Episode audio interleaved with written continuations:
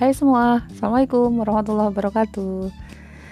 Ini episode keempat dan di episode ini saya ingin cerita tentang ikan salmon. Kenapa ikan salmon? Inspirasinya adalah karena kemarin saya melihat uh, di televisi sebuah tayangan tentang ajang kompetensi memasak. Dan salah satunya adalah uh, salah satu bahan olahannya adalah ikan salmon. Menurut para ahli, uh, ikan salmon ini adalah salah satu jenis ikan yang mempunyai nilai gizi yang cukup tinggi.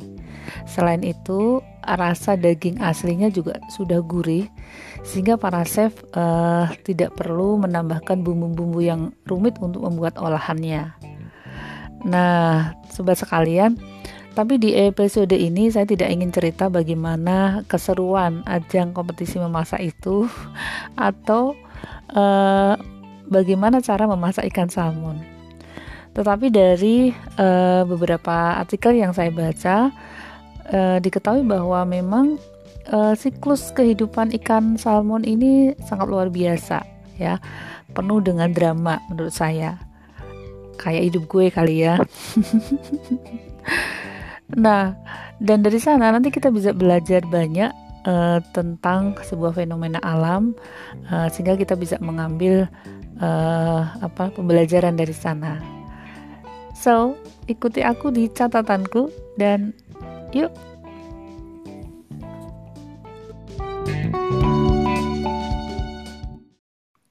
Ikan salmon. Uh, ikan salmon adalah uh, ikan yang hidup di Samudra Atlantik dan Samudra Pasifik. Secara umum, uh, salmon ini termasuk di dalam spesies Anadromous, yaitu spesies yang bermigrasi untuk berkembang biak.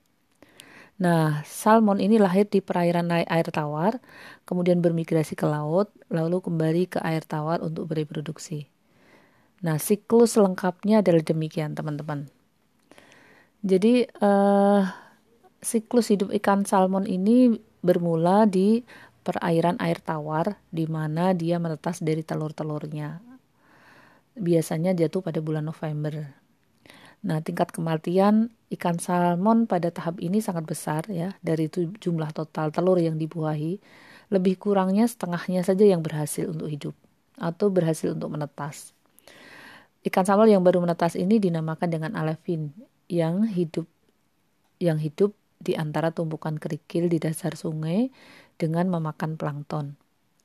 Setelah persediaan makan habis, maka alevin akan keluar dari kerikil dasar sungai yang kira-kira jatuh pada bulan Mei atau Juni. Pada tahap ini ikan salmon dinamakan fry.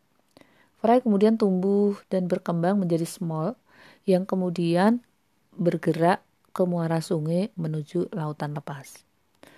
Ini adalah migrasi pertama yang dilakukan oleh ikan salmon yang saat itu masih uh, berwujud ikan kecil uh, yang disebut dengan small. Tahapan pertama ini juga atau tahapan migrasi pertama ini merupakan tahapan yang kritis bagi ikan salmon karena pastinya proses perjalanan atau proses migrasi dari muara sungai menuju ke lautan lepas ini adalah merupakan perjalanan panjang yang di dalam selama perjalanan uh, migrasi ini pasti akan menemui banyak hambatan atau halangan uh, terutama adalah dari predator predator yang akan memangsanya ya. Uh, misalnya ada anjing laut ada singa laut ada beruang ada burung atau bahkan manusia ya. Sehingga uh, jumlah ikan salmon pada tahap ini bisa jadi akan banyak berkurang juga. Nah ikan salmon yang berhasil mencapai lautan lepas ya maka akan tinggal di laut tersebut atau akan hidup di lautan tersebut hampir kira-kira antara waktu 4 sampai 7 tahun. Ya, cukup lama ya. Nah, hingga kemudian setelah 7 tahun ikan salmon iki ini akan tumbuh besar dan di, uh, cukup dewasa untuk melakukan reproduksi. Nah, di sinilah salah satu keunikan dari ikan salmon, di mana ketika dia dilahirkan uh, di perairan air, air tawar, maka di situlah nanti ikan salmon akan melakukan reproduksi. Nah, jadi setelah salmon tadi cukup dewasa, uh, cukup waktunya untuk melakukan reproduksi, maka kemudian mereka akan berkoloni atau berkumpul uh, bersama-sama untuk melakukan migrasi ke perairan air tawar yaitu sungai. Jadi ini adalah proses migrasi yang kedua. Kalau yang pertama tadi adalah dari sungai menuju laut lepas pada saat masih e, menjadi ikan kecil small, maka kemudian pada tahap ini migrasi yang kedua ini adalah e, salmon dewasa dari laut lepas menuju sungai karena akan melakukan reproduksi. Nah, proses migrasi yang kedua ini juga cukup kritis e, bagi ikan salmon karena memang perjalanan dari laut menuju sungai ini bukan waktu yang sebentar tetapi dalam hitungan bulan ya. Nah, pastinya di dalam proses perjalanan akan menemui banyak rintangan yang menghadang perjalanannya. Mungkin akan e, melewati batu karang, kemudian harus berenang melawan arus atau melompat ya. Dan diketahui bahwa lompatan ikan salmon ini bisa mencapai 3 meter. Semua ini dia uh, ikan di, dilakukan oleh ikan salmon untuk bertahan hidup agar bisa mencapai sungai dan kemudian melakukan reproduksi sehingga menghasilkan generasi berikutnya. Nah, satu lagi yang unik di ikan salmon adalah bahwa dalam melakukan perjalanan pulang e, dari laut lepas menuju ke sungai ini ikan salmon tidak makan apa-apa alias berpuasa. Jadi e, ikan salmon akan menggunakan cadangan lemak yang ada di tubuhnya sebagai sumber energi sehingga sampai di perairan air tawar. Nah, pada tahap ini juga termasuk tahap kritis karena banyak ikan salmon yang akan mati karena luka, karena keletihan, atau mungkin dimangsa oleh uh, predator yang ada di lautan. Sehingga hanya sedikit yang berhasil sampai ke hulu sungai. Nah, setelah sampai di hulu sungai atau mungkin di tempat di mana ikan salmon ini dahulu ditetaskan, eh, maka kemudian uh, ikan salmon akan uh, membuat lubang ya, akan membuat menggali tanah di dasar sungai, membuat lubang kira-kira uh, diameter 25 sampai 30 cm. Nah, di lubang inilah kemudian ikan salmon akan mengeluarkan telurnya ya ikan salmon betina tentu saja yang kira-kira antara 3000 sampai 8000 butir. Yang kemudian uh, telur ini nanti akan dibuai oleh ikan salmon jantan. Setelah melakukan pembuahan, maka ikan salmon jantan ini dan betina ini kemudian menutup kembali sarang tersebut dengan kerikil atau batu-batu kecil. Nah, dalam beberapa hari, kedua ikan salmon ini baik yang betina maupun yang jantan tetap ber berada di sekitar sarang tersebut hingga akhirnya mereka mati karena kehabisan energi. Ya, bisa dipahami. Perjalanan yang panjang tanpa makan apa-apa, kemudian melakukan reproduksi, e, mereka kemudian kehabisan energi dan mati. Nah, sebagian bangkai ikan salmon ini akan dimakan oleh binatang yang hidup di dasar sungai dan sebagian lagi akan membusuk sehingga dengan bantuan bakteri e, bisa menjadi pupuk alami.